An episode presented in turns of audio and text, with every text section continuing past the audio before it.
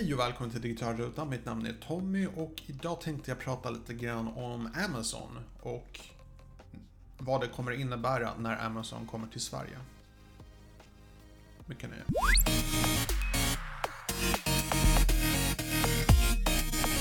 Killen som äger Amazon är idag den rikaste människan i världen. Vad han än gör verkar fungera. Han har ett riktigt bra koncept. Han... Jag ska inte gå in så pass mycket detaljer på vad Amazon gör rätt och sen kritisera svenska butiker.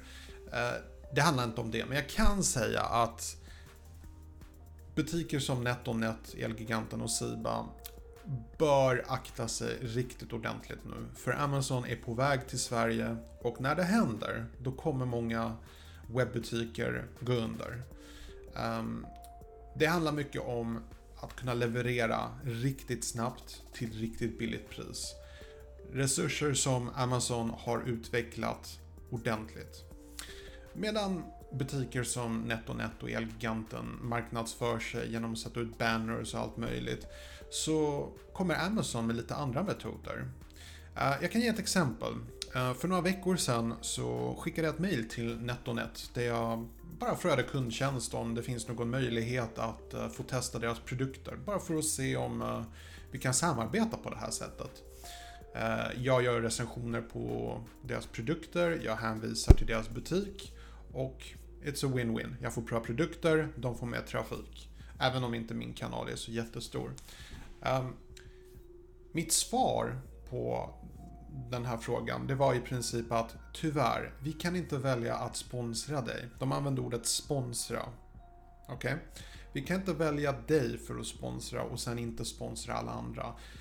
Och jag svarade inte ens på det här. Jag, jag bara ignorerade det här mejlet och bara tänkte sponsra? Har de missat poängen? Amazon har Amazon Affiliate. Det innebär att du kan ha länkar i till exempel videobeskrivningen som länkar till butiken och när folk klickar på den, köper den produkten eller vad som helst inom 48 timmar, då får du provision. De kollar på social media, de kollar var all the attention går och de utnyttjar det. NetOnNet, de menar på att om de skickar mig produkter eller samarbetar med mig så sponsrar de mig.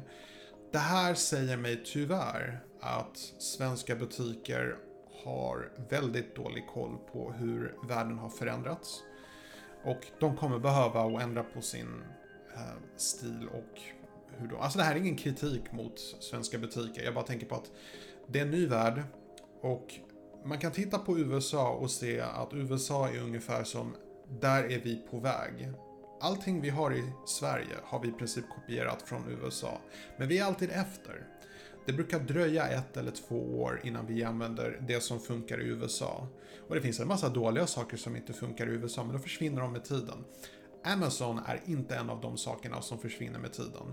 Amazon är på väg hit och den metoden att köra affiliate marketing, att eh, samarbeta med vloggare, med teknikbloggare och sånt det är rätt sätt. Det funkar. För folk går inte till en affär för att läsa om produkter. De går till teknikvloggar, de går till MKBHD, de lyssnar på experter eller folk som är entusiaster åtminstone. Och de utgår från deras rekommendationer, inte från butikens rekommendationer. Den här realiteten behöver svenska butiker fatta. För att kunna ha en möjlighet till att ens börja konkurrera mot Amazon. Mitt problem är att om de inte är tillräckligt förberedda så kommer Amazon hit och alla teknikvloggare och bloggare, inklusive mig, jag kommer bara hänvisa till Amazon och medan NetOnNet försöker lista ut på varför um, deras försäljning inte går så bra så kommer det vara för sent. Och vid det tillfället då de inser att ah, vi kanske behöver samarbeta med YouTubers och sånt, kommer vara för sent. Och det här gäller inte de stora märkena bara. Det här gäller allting från webbhallen till eh, komplett.se. Alla, alla butiker på nätet som levererar till svenska kunder behöver tänka om sin strategi. det här är ett tillfälle, just nu, jag uppmanar verkligen alla svenska butiker, börja samarbeta med teknikvloggare. Börja redan nu och skicka en massa produkter till bloggare och vloggare. Ehm, börja samarbeten nu. Var gärna generösa, för när Amazon kommer, kommer inte ta länge innan ni försvinner. Det är en eh, uppmaning och eh, en verklighet som ni kommer behöva hantera. Ni kan inte bara låtsas att den här möjligheten inte är på väg.